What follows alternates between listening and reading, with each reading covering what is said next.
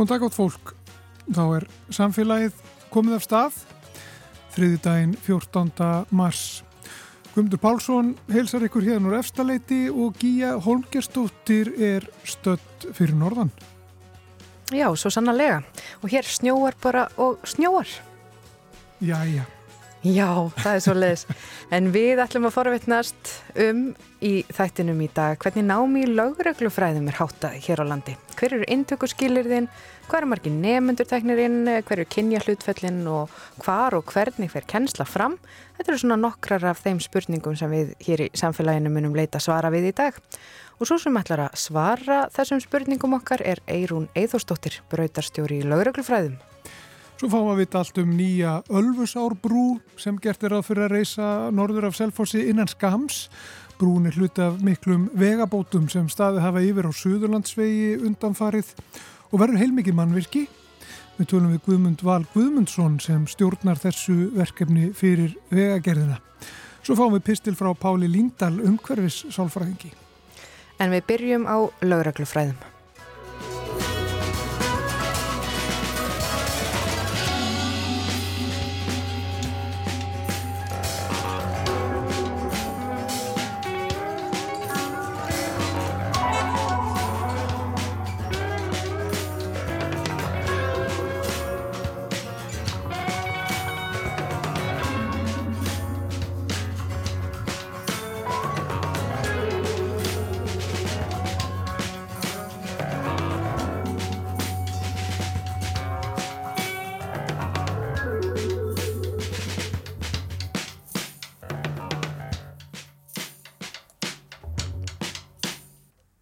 Já, við fjöllum næstum lögreglu fræði, nám í þeim fræðum, hvernig það er uppbyggt og hvernig kennsla fyrir fram og þar fram til göttunum. Og til þess að fræða okkur um námið, lögreglu námið, erum við komið núna í samband við hana Eirúnu Eithórsdóttur sem er brautarstjóri deltarinnar. Komdu sæl, Eirún? Já, kom sæl. Við skulum bara byrja þetta á að heyra aðeins... Eh, sko hvenar námið breyttist frá því að vera sagt, gamli lögreglu skólinn sem þetta svo margir þekkja yfir í að vera þetta náma á háskólastíi? Svo breyting var gerð árið 2016 og þá hafði sagt, gamli lögregluskólinn, lögregluskóli ríkisins verið bara starröttur í, í svona ákveðnir mynd um langan tíma. Yfirleitt var þetta um árslangt námaræða venjulega byrju nefnendur í byrjun janúar og, og, bröðskráðust í, í lok desember eða meðan desember. Og þetta var sem sagt á framhaldsskóla stígi þannig þetta var ákveðin svona endastöð uh, fyrir þá lauruglumenn námslega séð. Og svo 2016 að þá í rauninu veru kemur námið til háskólans á Akureyri og var það í raun og veru endir á ferli sem var búin að taka á tíma það sem hafði verið skipið nefnd til að rína námið og skoða framtíða möguleika námsins. Og bara í samræmi við það sem hefur þróun sem hefur átt í stað hinnum Norðurlöndunum fyrir utan Danmörku sem að sker sig dálítið úr að þá er almennt þetta nám á háskóla stíi og þess vegna taldi nefndin það eðlilegt hérlandi að námið færi hérna líka háskólastíð og námið fer til háskólans á Akureyri sem byrjar að kenna lauruglufræði þarna hausti 2016. Já, og þetta er orðið lengra heldur en þetta ársnám sem að laurugluskólinn var. Eh, hvernig er námið uppbyggt núna? Já, við erum að bjóða upp á í raun og veru kannski svona má segja tvær eh, námslínur í sama náminu að það er þetta diplómanám uh, fyrir verðandi lauruglumenn. Það eru nefndur sem að, að sækjum bara koma til okkar til þess að læra að verða lauruglumenn og fara svo að starfa sem lauruglumenn í kjölfarið. Og eins og ég segi þetta er tveggjara diplómanám en við erum líka, tökum líka við eh, starfandi lauruglumennum þeir sem hafa lokið sem sagt gamla laurugluskólanum en vilja færa námið sitt upp á háskóla stíð og eiga þannig frekar í möguleika á kannski einhverju framhalsnámi að þeir geta líka komið inn í námið til okkar uh, og, og, og, og þá er raun og veru verið samleiða þá hinnum nefndunum en, en þeir taka náttúrulega ekki starfsnám og annað slíkt vegna þess að þeir eru þegar búin að fara í gegnum það í gamla skólanum og þeir eru starfandi lauruglumenn þannig þeir þurfa þess ekki. Mm -hmm. og svo bjóðum við upp á sko eftir þess að tvö ár diploma þá bjóðum við nefndum upp að taka auka ár og klára sem sagt BA gráðu í lauruglu og lögjastlufræðum og það er stór hópu nefnda sem að tekur það ákveðin að halda áfram og ljúka í raun og veru þá háskóla gráðu. Og þá ef þau eru með þá fyrstu engun gælgeng inn í eh, meistaranám Já, já. Og getur það farið í alls konar framhaldsnámi í framhaldinu af, af svona námi? Já og við erum farin að núa því nú erum svolítið nokkur ár síðan við byrjum og við erum búin að vera útskrifa nokkur að hópa meðal annars með bíagráði að við erum farin að sjá svona fyrir um nefnda, nefndur okkar kominir í bara ímiskonar meistara náma áhugavert og, og skemmtilegt að sjá hvað fólk er tilbúið að halda áfram og, og halda áfram að sérhæfa sig að því að lauruglu starfið er orðið svo sérhæft starf. Já, akkurat. En uh, hverjar eru svona intöku kröfunar? Já, helstu intöku kröfunar eru það að þú, maður þarf að vera 20 ára og uh, þarf að vera íslenskur ríkisborgari. Um, svo eru intöku ferli, það sem eru gerðar ymsar kröfur. Um, þú ætti líka að vera með að þetta er alltaf háskóla stegi er stúdinspróf ef eitthvað sambarilegt það þýðir það líka að einstaklingar sem eru með svinspróf og eru yðingreinum að þeir eru líka gjaldgengir í lauruglunámið og svo þegar eftir að fólk sækir um hjá okkur og það, það er sem sagt hefur þetta sem að þessi helstu byrjunar skilir þið að þá tek ferða í intöku ferli sem að er þrekpróf.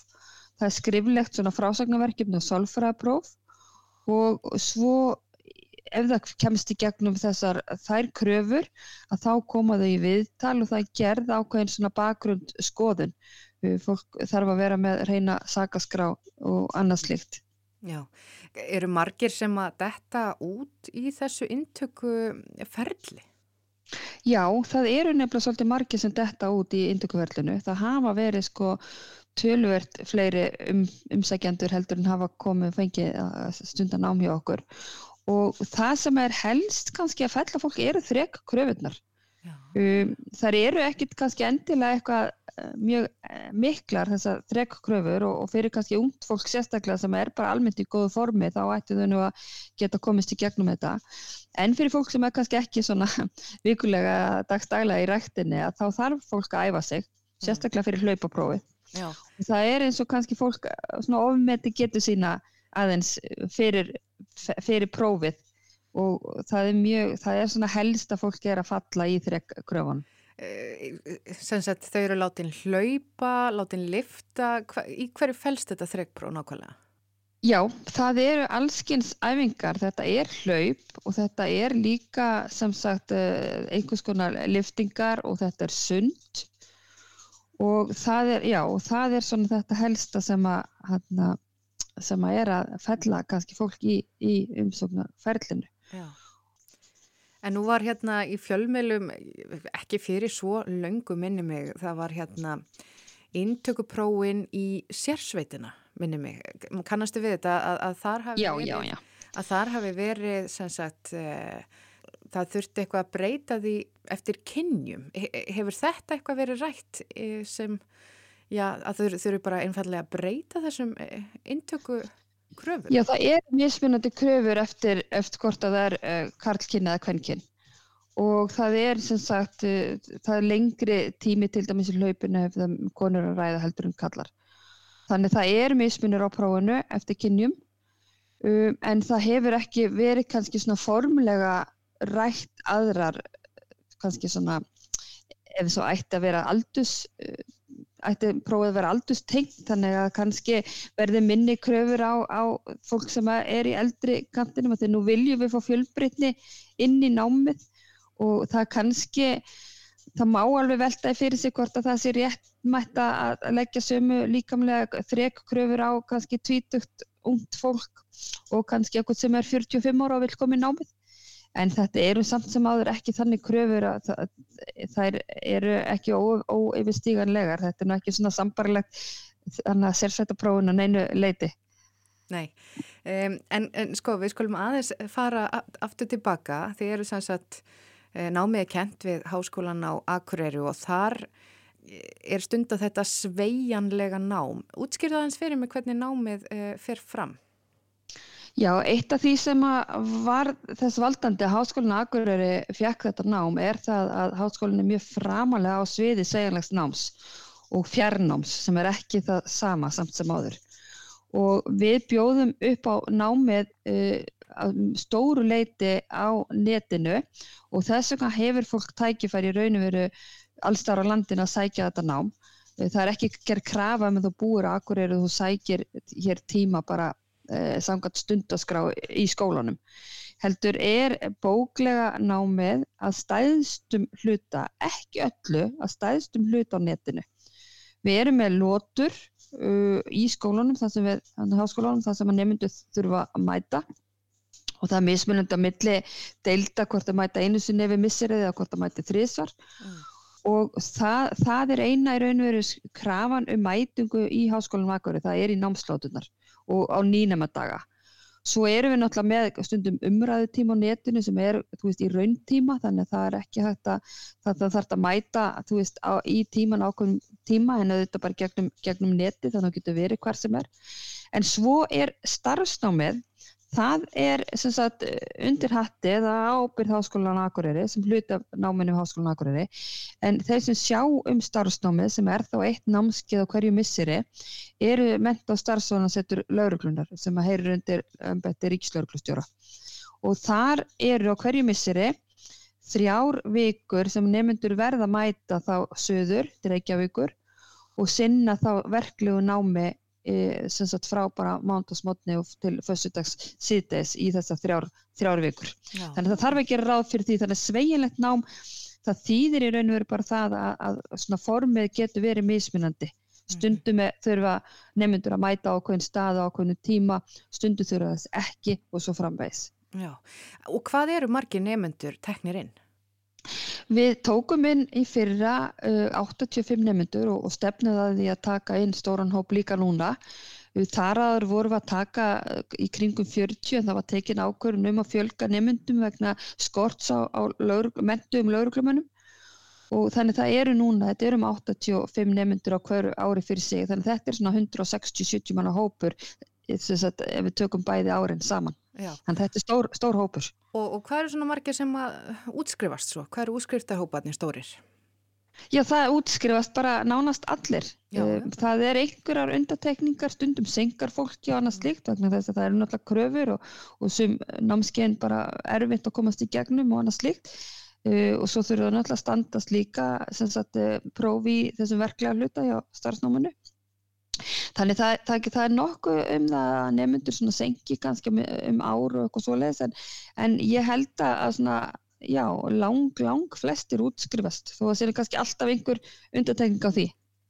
Þú myndist áðan á fjölbreytileikan að, að já, þið eruð að reyna auka fjölbreytileikan í nefndahópnum og þar leiðandi auka fjölbreytileikan innan lögreglunar til hvaða fjölbrytileika er þið mest að horfa? Er það hlutföll kynja eða er það félagslegur bakgrunnur? Um, já, þú myndist á aldur og hvernig gengur þetta? Sko við höfum náð miklum árangur í að fjölga kvenkinslauruglunnemum og þegar hafa verið svona yfirleitt um helmingur nefnda hjá okkur hafa verið konur. Þannig það hefur gengið mjög vel. Og einhver leiti má segja að þetta sé vegna þess að almennt er náttúrulega bara staðstil hluti háskóla nema kvenkins, þannig að kannski er það hjálp okkur að við sem að koma upp á háskólastíði að það séu fleiri konur sem að koma inn í námið og það er bara frábært. En við viljum líka sjá aukinn fjölbyttuleika varandi þjóðurnislegan uppruna til dæmis og líka aldur mm. uh, og náttúrulega líka bara hvar fólk býr á, á landinu og svo framvegis. Þannig að þegar við erum að tala um fjölbytti leika þá erum við bara að tala um að, að lauruglu, lauruglu, lauruglan endur spekli samfélag sitt uh, uppbyggjandi samfélagi er uppbyggt. Og þetta er mikilvægt vegna þess að, að, það, að þetta snýr að trösti almenningsskakvart lauruglunni Akkurat Svo, já, það hefur nú verið líka talað um sko að brottfall úr lögreglunni sé mikið. Mér langar aðeins að velta fyrir mér sko, eru margir af ykkar nefndum sem að ráða sig til starfa beint inn í lögregluna og, og, og uh, gera þetta að sko lögregluna sjálfa að sínum starfsframa? Já, ég myndi nú halda, ég, ég veit ekki hvort það hafi verið tekið út svona sérstaklega, en jú, ég held að sko, þau, það er náttúrulega skortur á mentu lauruglu fólki í dag sem ger það verkum að allir fá starf, það geta allir fengið starf eftir nám og margir eru þegar farnir að starfa meðan þeir sinna námanu þó við mælumst alls ekki, mælum alls ekki með því að þau gerir það. Um, þannig það er auðvelt að fá starf þannig þau rata flest bara öll í starf í lauruglunar en svo höfum við líka svo sem verið að heyra um, um nefnendur sem að hafa hætt svo í kjölfarið bara eins og bara gengur að gerast innan lauruglunar en, en um, ég, ég veit ekki að hvað miklu leiti eða sem hátt hlutvall það er mm -hmm.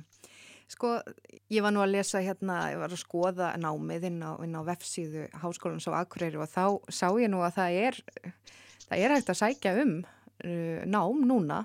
Uh, hvað stendur það lengi að maður getur sótt um í, í lauglufræðan?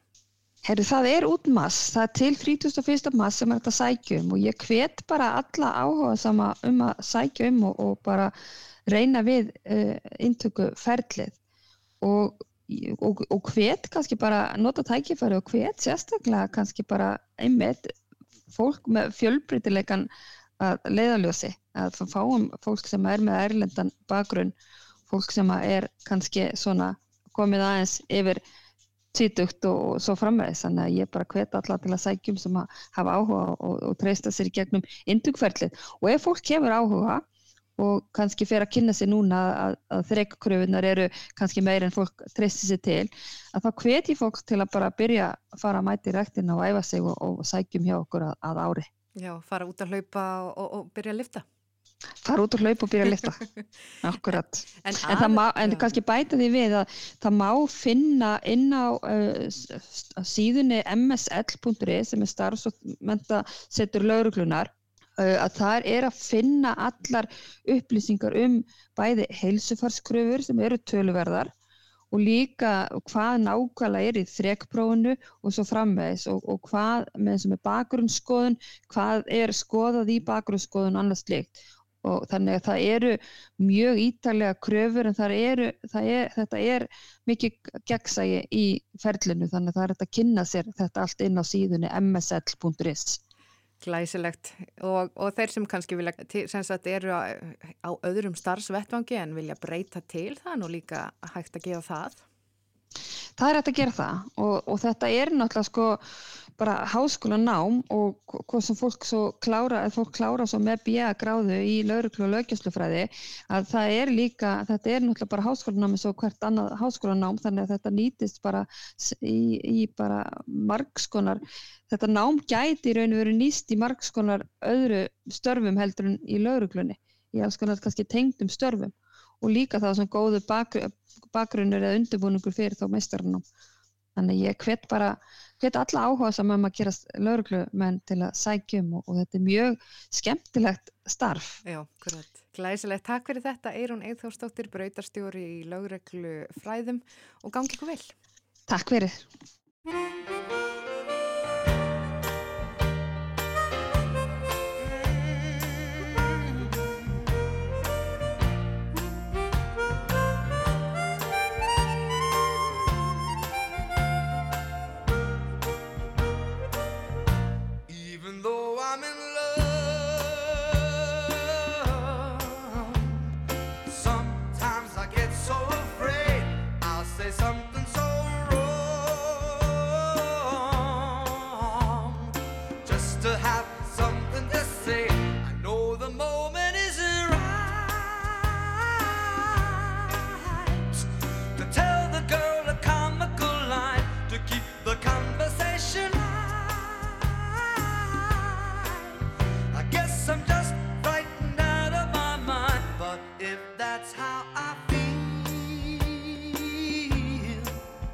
Just a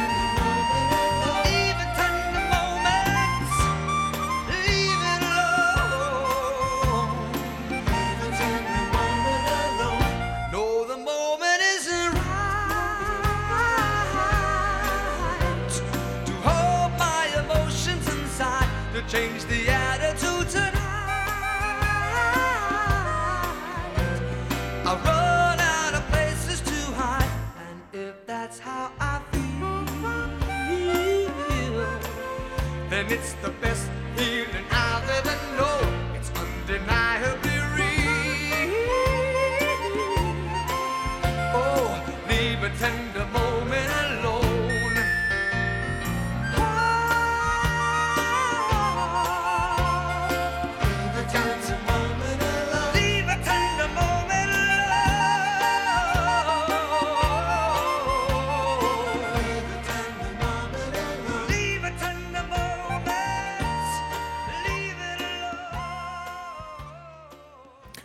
er Billy Joel og lag sem heitir Leave a Tender Moment Alone. Það verður ekki farið fram hjá fólki sem hefur átt leiðum Suðurlandsveg, já, undarfærin ár.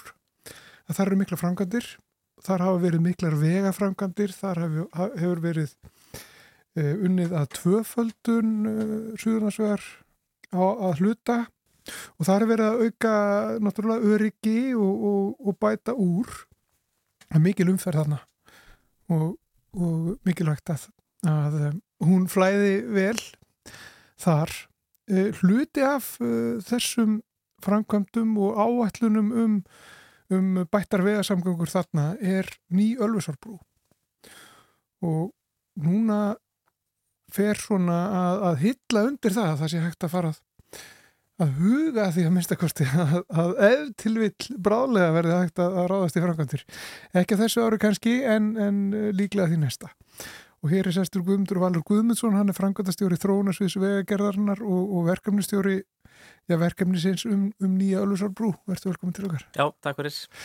Uh, er ekki fara að hylla undir það að minnstakosti að svona menn fara að sjá fyrir sér að, að það sé hægt að ráðast í, í þessa framkvæmdir? Jú, jú, það er alveg rétt þér. Það er bara, höfum nýlega tekið þau skrefa, útbósferðlið fyrir, fyrir hérna, uh, loka hönnun og framkvæmt fór, fór á starf núna bara fyrir rúmur í viku síðan eða tíu dögum og hérna, þannig að það er með það markmið að að, að framkvæmti geti hafist á næsta ári. Já, og, og þetta er hluti af þessu miklu framkvæmdu sem við höfum séð bara undanfærin áreinlega þarna á Suðurlandsveginn. Já, það er alveg rétt og það er náttúrulega bara miklu áfanga verið undanferðin ár verið að, hérna, mikil framkvæmdu í gangi sem lí, líkur núna í, í voru eða snem sumars það sem að síðast er kaplinn þarna á milli hverjir og selfos verið tekið í nótkun það sem er búið að ja, brekka veginn og aðskilja aksustefnur mjög mikil á framkvæmt mikil umferð, umferð aukningu undanferðin á árum sem segir. Þannig að þetta er bara hluti af því og er auðvitað beint framald af þegar, þegar þeim framkvæmdum lokið að ráðast í Ölusabrúna Já, þetta það er verið að sko færa brúna, það er brú náttúrulega yfir Ölusá sem við þekkjum sem að fer þarna uh, yfir ána við Selfoss. Mm. og uh, já það er, það er náttúrulega mikil umferð þar og mikil umferð í gegnum bæinn hreinlega. Nú að færa brúna, hún á að vera annars þar getur sagt okkur hvar hún á að vera og, og af hverju er, er ráðist í það? Já, þetta megin fórsöndin er náttúrulega að auka umferðuröryggið og það náttúrulega bæði og auka bara afkasta getu við að kerfa sér sér gegnum Selfoss eins og menn hafa séð að brettið með aukinu uppbyggingu þar undanferðin ár og að þá bara verður meiri umferðatafir á, á Selfossi og ónaði fyrir íbúa og gangandi og hjólandi sem eiga um e, Selfoss að fara. Þannig að ég held að sé bara með stuðningu við að færa þessu stóru þungaðum fyrir fjær e, innan bæjarumferðinni og hérna og, svo náttúrulega bara eldri gamla brúin sem er byggð 1945 e, sem er núna, hún náttúrulega er bara komin tölvöld til ára sinna og kannski við höfum bara ágjör líka burðagetu hennar og hennar hún endist til lengri tíma þannig að það sé hægt að beina þungaðum fyrir út fyrir bæin og af, af gamla brúni Já, og, og hvar verður nýja brúin? Þannig að hún er svona norðan við eh, norðan við Selfoss, eða þjættbíli núna í dag og yfir svo kallar efri lögardælega eigu eh, sem er svona hvað einum, einum og hálfu kilómetr ofan við nú voruð þetta brú. Eh, við tókum við notkun ringtorg við Biskusundabraut, vestan, Ölfursár eh, síðastleði sumar og raunin er veglinan fyrir nýjan ringveg eh, hérna norðan við Selfoss er bara í beinu framaldi þar. Eh, fyrir yfir hluta golvallasvæðinu við eh, hérna, eh, golfklúpu Selfoss að hvað á Östubakkanum og svo erum við að fara yfir motocrossbraut árborgar á, á vestu, Vestubakkanum þannig að það er svona hérna, en, en þeir hafa náttúrulega tekið ég tóku bara fram sín ákvörðum fyrir 30-40 árum að, að taka frá svæði í skipulagi fyrir nýja, nýja veg og, hérna, og við búum að því í dag. Og þetta hefur staðið til lengi að, að færa þennan veg eða hvað? Já, já, sér og eins og sér fært í skipulag fyrir, já, fyrir kannski já, 30, já, 40 árum það sem er tekið frá svæði. Og svo kannski fyrir, já, tæpum 20 árum eða svo kannski eftir 2000 að þá fara mann að huga að huga að nýri, nýjum framkvæmdum og, og svo er það farið í undirbúinisvennu hvað er kringum 2007, 8, 9 og á þeim tíma er lokið þá fyrir matugunum á brú, brúastæði og, og mat- og umhverfisáhrifum þýlög 2010 og svo hefur við verið að ásamt framkvæmdini millir hvergjur og selfoss var hluti af því öllu saman og, hérna, og frá þeim tíma hefur við, bara verið að vinna eftir já, hvenar fjárveitingar er til verkefna og, og undirbúa það já, undirbúa það vel Það er mikil umferð þannig og það má gera ráð fyrir að verði mikil umferð um þessa nýju brú.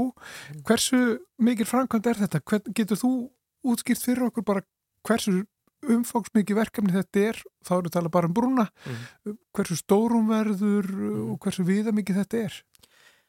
Já, já, þannig að brúin sem við höfum verið að leggja upp með er eh, hvað, 330 metrar löng brú eh, sem er svona stagbrú með turni á lögataleiginni þannig að hérna þannig að hún er að ekki að hafa áhrif á farveg Ölfusár raun og veru, sem er eina grunnforsendunum raun og veru, við erum ekki að ekki komið veg fyrir að flóða hætta og allt þetta, við þekkjum Náttúrulega eitt varsmesta fljót landsins og með ístíplum núna í, til dæmis í janúar eða desember og sem eru þekktar þarna þannig að Þetta hefur flætt. og þetta hefur bara flætt og Já. stóra atbyrju 68 og 2006 það sem að hefur allt fyrir umflótið við gömlu brúastæðið og, og hérna þannig að það hefur eina megin fórstundum að vera ekki að ekki hafa mikil áhrif að ný brú væri ekki að hafa áhrif á reynsli lítið og hægt er til þess að bara valdi ekki hættu fyrir byggðina og, og svo leis þannig að það, það er einhverjum fórstundunum fyrir já, vali á brúargerðinni sem við erum að leggja upp með Já.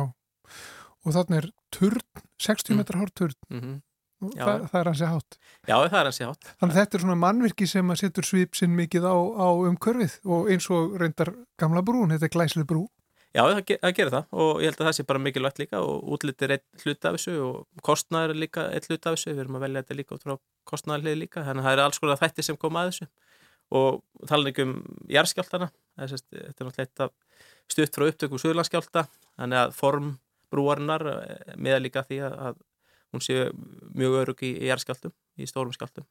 Já, já, getur þú farið eitthvað nánar út í það? Satt okkur freka frá því. Þetta er náttúrulega mjög virt svæði þarna, það eru oft jarðskjáltar þarna. Já, já, náttúrulega fengum eh, 2008 voru náttúrulega tveir stóri skjáltar sem hann líklega hvað 3-4 kilometrar upptök eh, hérna niður í Ölfusunu, skjáltar í Ölfusunu og hérna, að það er bara einn af leikil þáttunum í, í forsöndu fyrir, fyrir hönnum brúarinnar og, og já, og vali, vali á gerð brúarinnar að, að hún sé, hérna, geti það eru, geta verið jarðskjálta sprungur, jafnvel í farveginu þar sem getur fengið mismunar reyfingar þannig að brúin er hugsuð til þess að geta tekið upp slíkar reyfingar og gamla brúin stóð vel af sér eh, án skemmtist lítilega en, en, hérna, en þurfti bara örlitla lagfæringa við og hérna, losaði sig frá festingum og öðru en, hérna, en, gamla brún stóð vel af sig þá skjálta og, hérna, og við ætlumst til að nýja brún við gerum það líka.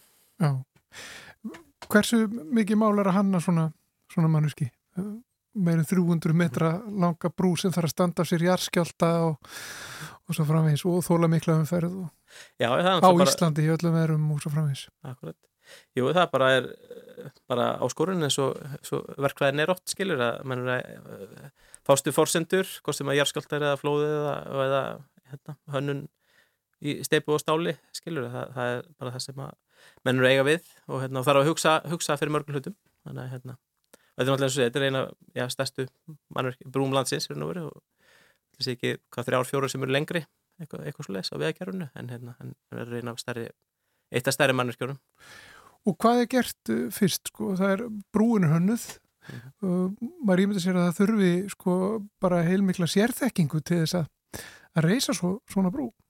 Já, já, það er það. Það þarf bara góða, já, góða hönnið og góða verktaka sem að geta hérna byggt svona og ég held að það sé ekkit og vantarlega, við höfum náttúrulega ekki byggt margar slíka brúir hér á landi, ekki undanfærir þannig að það er vantarlega ekkit ólíkt til það verið eitthvað samstarf íslenskra og erlendra verktaka sem takir þátt í útbúðinu vonandi þannig að það er það sem við vonast til líka Já, og hvað er í gangi núna? Já, búið? það bara er, Já. já, sérst svona uh, forvalsferli að við erum að velja þá alltaf fimm hérna, eh, verktaka sem munum taka þátt í útbúðinu það er, það, það er ferli sem er hófst núna fyrir já, viku tveim síðan. Eru margir sem að koma þá, getur þess að vera þannig, það sé bara margir sem þurfa að koma að, að þessu verki? Ma margir verktaka kannski eða, Já, það er bara eins og svo sem eh, bara í almennum í vega og brúargerð það, það er oft sam, það eru jarfinvertakar og það eru hérna, byggingavertakar sem eru sérhæðir í mannverkjum eða brúm og aðrir sem eru sérhæðir í vegagerð.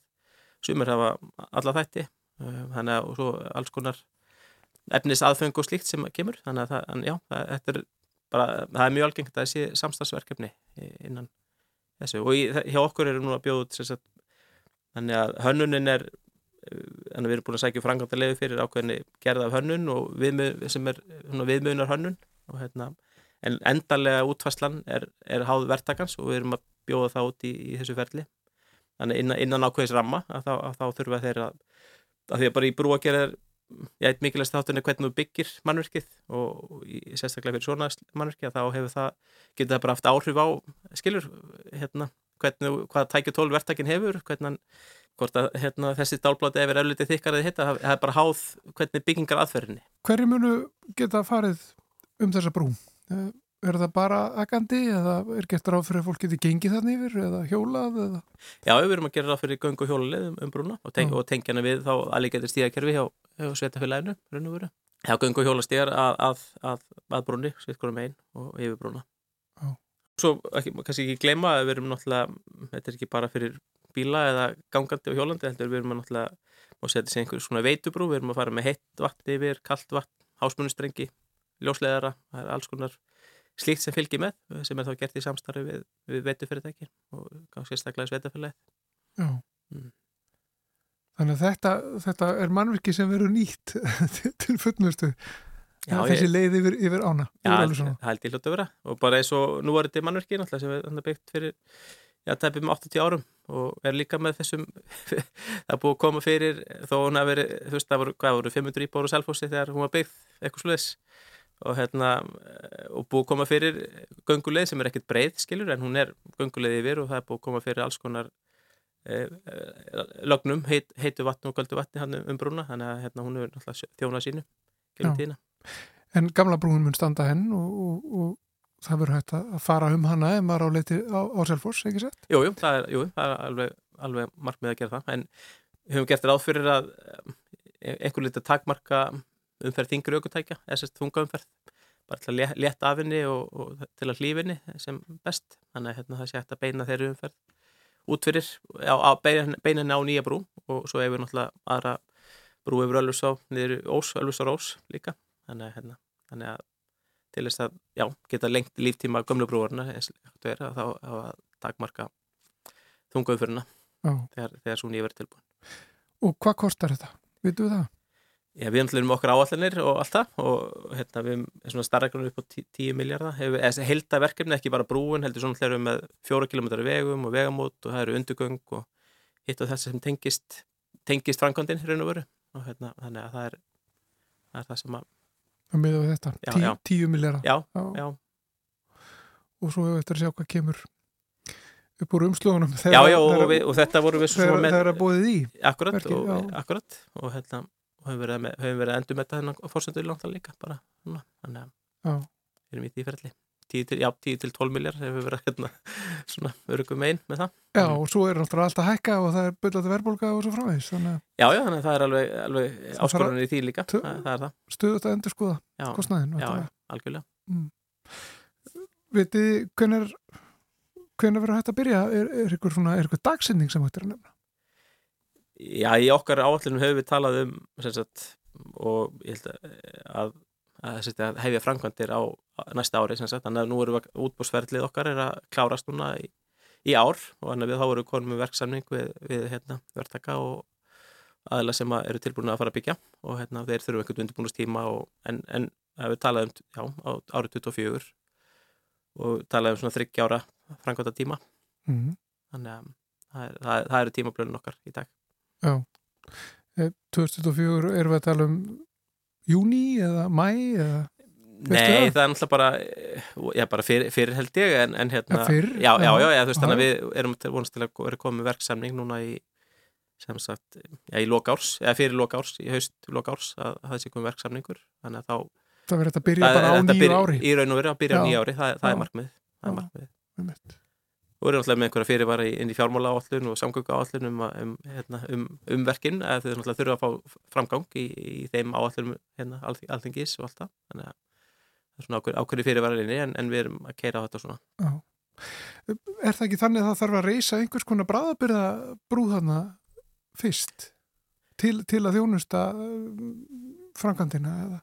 Jú, jú, jú um, það er það sem við hefum lagt upp með er að hérna að eh, það þarf að komast út í eiguna og það er það sem er og, og höfum við lagt upp með að, ákveðna aðferð sem að er verður svo í höndum verktakans að, að finna út úr sig nákvæmlega hvað hann vil gera en við höfum setja fyrir okkur á þann hátt jú, að það sé að koma með bráðabæra brúð í eigina og líklega frá austubakkanum þessast, og, og þannig hefja, hefja frangandir við undurstöður í eiginni og það sem er náttúrulega fórsenda fyrir því að reysa brúna.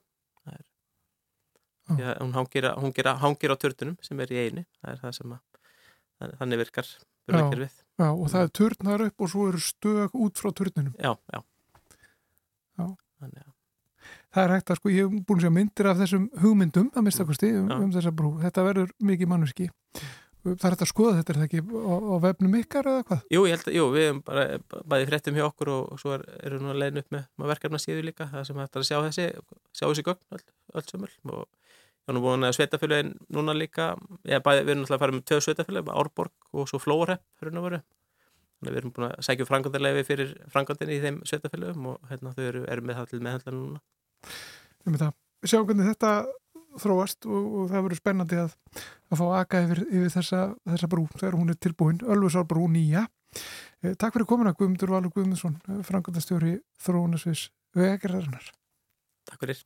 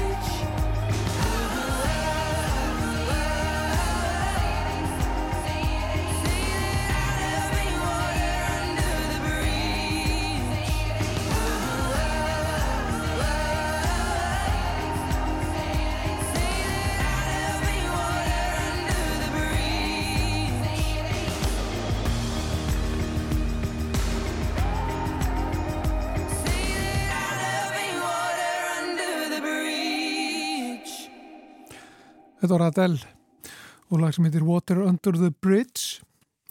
Við erum ennþá eftir að heyra pistil frá Páli Líndal en uh, Gíja Holgistóttir er enn í, í stúdíu fyrir norðana sjálfsögðu er ennþá kallt hjá okkur. Gíja, þú sagði að, að snjóa því? Já, það snjóar bara snjóar hérna fyrir norðan, alveg búið að kingja niður snjónum í dag og uh, það er nú ekki kallt hérna í stúdíónu, það er hansi kallt hérna fyrir utan. Og það er nefnilega þannig að pollurinn hérna á Akureyri sem að er hafflöturinn hérna innst í eigafyrðinum, hann er orðin ísilagður sem að kannski gerist ekkert svo oft. Og lögreglan á Akureyri, við fjöldum nú um lögregluna hérna áðan. Uh, og lögreglan á Akureyri, hún hefur sagt síðustu daga fengið já, nokkuð margar tilkynningar um að fólk hafi verið að ganga sannsagt út á ísin á podlinum.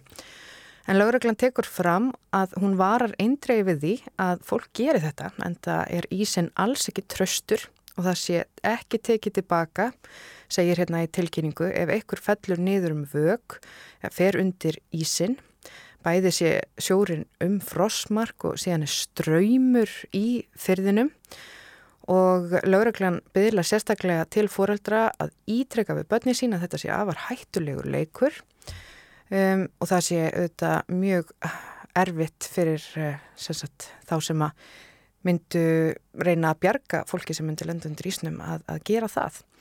En aðstæður sko hér áður fyrir, þær voru nefnilega svolítið öðruvísi á podlinum og ég átti spjall hérna fyrir í dag við hann Hörð Girsson hjá Minjasafninu og Akureyri. Hann er svona maður sem að veit eitthvað neginn allt og hann sagði mér frá áhugaverðum ljósmyndum sem eru til á safninu uh, það er marg menni út á ísnum á podlinum og það er meiri segja til ljósmynd þar sem er leigubíl, plaseraður, bara beint á podlinum, hafi verið keirt þarna út á ísilaðan podlin en svo var byrjað að byggja upp Akureyrar flugvöll þarna á leirónum í kringum og það var bara svona í kringum 1950, 51 eitthvað sem það var byrjað.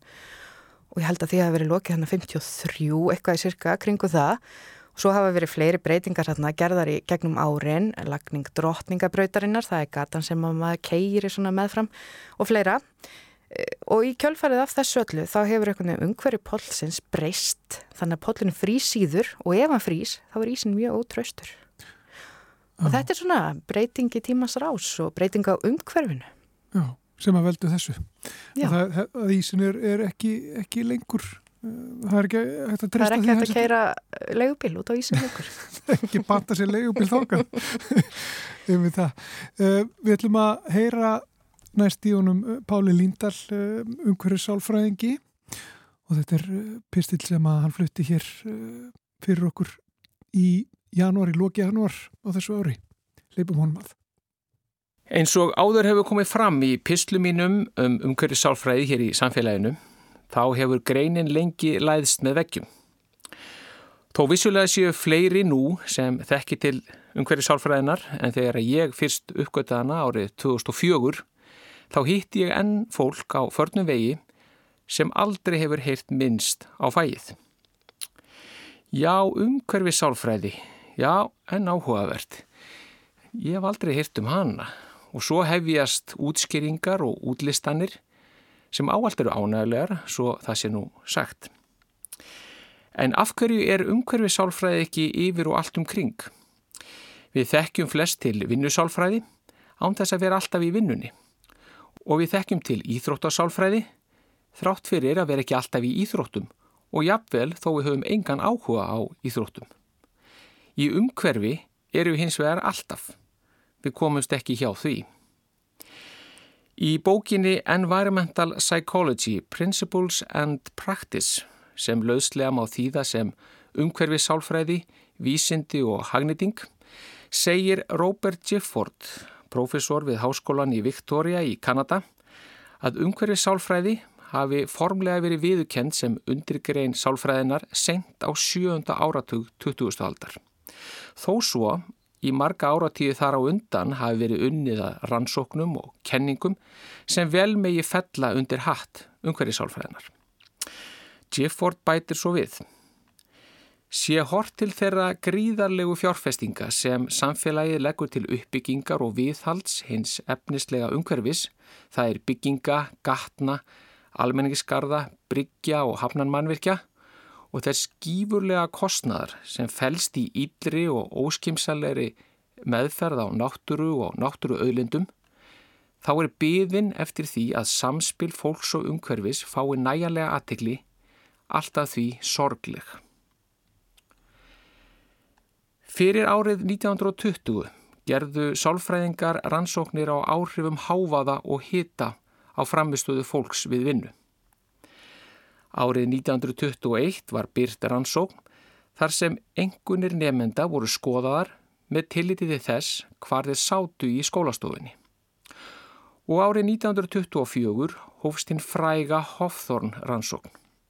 Þar sem skoðu voru áhrif byrtustiks á framleiðni starfsfólks í Hofþorn Works versmiðu húsnæðinu sem var í eigu Western Electric Company í Chicago. Hofþorn rannsóknin er einn frægasta rannsók sálfræðinar og er hennar getið í hverju einustu ingangsbók í sálfræði. En ástæða þess er nú síður en svo umhverfis sálfræðilegs eðlis heldur einmitt þveru öfugt. Í rannsókninni var lýsingu í versmiðu húsnæðinu breytt kerfuspundið hjá einum hópi starfsmanna en henni haldið óbreyttri hjá öðrum meðan framleiðinni var könnuð. En ólíkt því sem búist hafði verið við, jógst framleiðinni hjá báðum hópum. Með öðrum orðum hafði ólíkt byrtustig engin áhrif á framleiðinna. Þessi stað var talið að hinn aukna aðtikli sem starfsfólk hafi fengið meðan á rannsókninni stóð útskýrði hinn auknu framleiðinni. Þannig var til hugtækið Hofþorn áhrifin sem vísa til þeirrar breytingar sem verður á hegðun fólks þegar einhver fylgis með því. Og fyrir það er Hofþorn rannsóknin þekktust enda hefur hugtækið skipað sér mikilvægan sess í aðferðafræði sálfræðilegra rannsókna. Á sama tíma má segja að rannsóknin hafi lagt stein í götu umhverfið sálfræðinar. Því niðurstöðunar færðu kastljós vísindana og atvinnulífsins frá vinnuaðstöðunum. Það er frá hinnu efnislega umhverfi yfir á félagslega þætti eins og stjórnun, samskipti, félagslega tengsl og þannig fram eftir götunum. En fyrrgrendar rannsóknir voru barðsins tíma. Þær voru einfaldar í uppsetningu og framkvæmt, auk þess sem þær skorti kenningarlegan bakgrunn. Betur ígrundaðari rætur umhverfisálfræðinar tóku svo að vaksa rétt fyrir miðja 20. öldina. Því rétt eftir 1940 steig ungverski sálfræðingurinn Egon Brunsvík fram á sjónasviðið og hjælti fram að sálfræðingar ætti að einblýna á umhverfi manneskunar til japs við manneskuna sjálfa. En þess má geta að Brunsvík var fyrstur til að nota hugtakið umhverfi sálfræði á prenti. Hinn þýsk-ameríski Kurt Levine var á sömu línu nokkrum árum síðar þegar hann sagði umhverfið gegna líki hlutverki í mótun hegðunar og því væri nöðsynlegt að rannsóknir væru drifnar áfram af raunverulegum áskorunum og að niðurstöðu þeirra væru nýttar við lausn á félagslegum vandamálum sem ættu sér stóð í raunveruleikanum. Þrátt fyrir að Brúnsvík og Lífæn séu báðir taldir hafa gengt mikilvægur hlutverki í framþróun umhverfisálfræðinar á 20. öldinni er starrendin svo að hvoru þeirra framkvæmdi rannsóknir sem í dag mætti flokka sem umhverfisálfræðilega rannsóknir. Brúnsvík skorti einfallega mannabla til verksins en viðfangsefni Lífæn sem gerðnan er kallaður fadir félagsálfræðinar fluttust meira inn á það svið sálfræðinar. Þar sem margir nefnda hans töldu hugmyndir hans betur eiga við þið félagslega umhverfi en hið efnislega. En það var svo rétt fyrir 1970 að nefnendur Lífæn, þeir Roger nokkur Barker og Herbert Wright, vildu stíga aftur inn á svið umhverfisálfræðinar. Þeir höfðu beint sjónum sínum að hugtækinu atferðli staðir eða behavior settings. En það vísa til þess hvernig lærdómur okkar, þekking og reynsla í einum aðstæðum yfirfærist á aðrar svipaðar aðstæður. Sæði Barker ótrúlegt samræmi vera milli hegðunar fólks í svipuðum aðstæðum ef fólkið gengdi svipuðu hlutverki. Á sjötta áratögnum jógst áhugi vísindamanna á rannsóknum innan þess sem kallam á arkitektúrs sálfræði. Þar sem kastljósið tók að beinast meira að samspili fólks og hins byggða umhverfis. Megin markmið þessar rannsókna var að auka veljiðan fólks og ánæju með viðhegandi hönnun og breytingum á hinnu byggða umhverfi. Niðurstöður síndu að fólk var jákvæðra ef það vann að tilteknu verkefni í fallegu herbyggi en ef herbyggi var ljótt. Þá hófust sálfræðingurinn Robert Sommer og geðlæknirinn Humphrey Osmond í samvinni við arkitekta handa við að skoða tilteknar þarfir og hegðun sjúklinga í tengslu við breytingar á geðdeild Skaskatsjevan sjúkrahúsins í Veyburn í Kanada. Og er það talið vera fyrsta verkefnið þar sem umhverfi sálfræði var með fyrirfram ákveðnum hætti beitt við hönnum byggingar. Stuttu síðar, það er árið 1958, eftir að hafa lesið um verk Sommer og Osmond, tóku þeir William Ittelsson og Harold Prosanski sér saman og byrjuði að kortleggja hegðun sjúklinga á geðdeild sjúkrahús í New York. Þessar rannsóknir loðu grunna því að umhverfið sálfræði varð viðukend undir grein sálfræðinar á sjönda áratugnum líkt og áður segir. Á sjönda áratugnum varð vöxtur umhverfið sálfræðinar nokkuður, ekki síst í ljósi aukinar samfélagsvitundar og áhyggja um ágangmannsins á náttúruna. Rannsakendur tók að beina sjónum sínum að umhverfismálum og hvernig gjörðir mannana hefðu neikvæð áhrif á lífríki, vistkerfi og framþróun líffræðilegra ferla. Einni höfðu þeir áhuga á því hvernig vandamál sem rekja mætti til mannana verka hefðu áhrif á heilsu fólks og velferð. Þessi viðfánsefni urðu fljótt að megin viðfánsefnum vísindafólks innan umhverfisálfræðinar. Í dag er rannsóknarsvið umhverfisálfræðinar viðfemt og einblínir á manngett umhverfi og náttúru, hönnun og skipulag í stórum skala og smáum, staðbundið og á heimsvísu.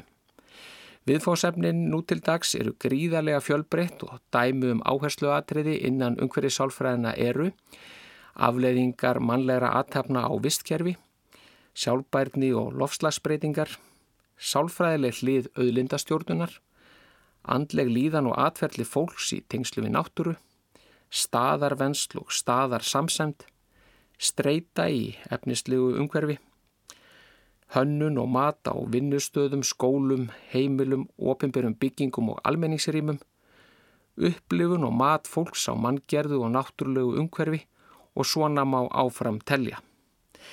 Líkt á má heyra af þessari upptalningu kemur vísenda fólk á sviði umhverfisálfræði víða við í þeirri ætlansinni að gera þennan heim að betri stað. Umhverfisálfræðin leggur fram þekkingu og reynslu, hún kemur fram með aðferðafræði og greiningu, hún getur umbylt ríkjandi hugmyndum, spyr spurninga og leitar lausna. Þegar hortið til uppbyggingar þéttbilis og umgengnu okkar við móðu náttúru og þeirra áskorana sem við stöndum frammifyrir er augljóst að samspil fólks og umhverfis verður að vega inn í umræðuna. Yfirvöld og ákvörðunaraðilar víða um heim er að átta sig á mikilvægi þess að umhverfissálfræði fái sitt rými.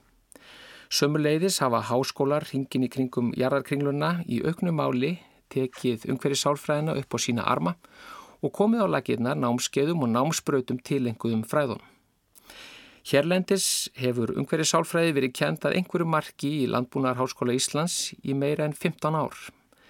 Námskeið í umhverfissálfræði hefur verið kent við Sálfræði delt Háskóla Íslands allt frá árinu 2014 og nú í þessum töluðu orðum er unnið að stopnum diplómanáms í umhverfið sálfræði á meistarastígi við háskólan í Reykjavík.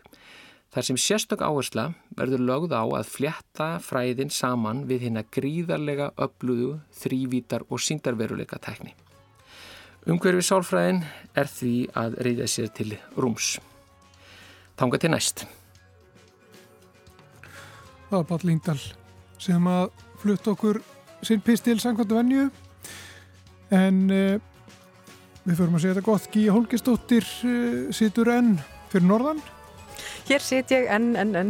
Já, við höfum fjallað um margt og mikið í samfélaginu í dag. Lauruglufræði, Ölfusárbrú, umhverfispistill og við náðum með þess að spjalla smáum pollin hér á Akureyri. Já, okkur litist það ekki Nei, okkur litist það ekki. Það er bara svo leiðis. En við Guðmundur Pálsson og Gíja Holgstöttu þakka fyrir okkur í dag. Við verðum hér á sama tíma á morgun. verið sæl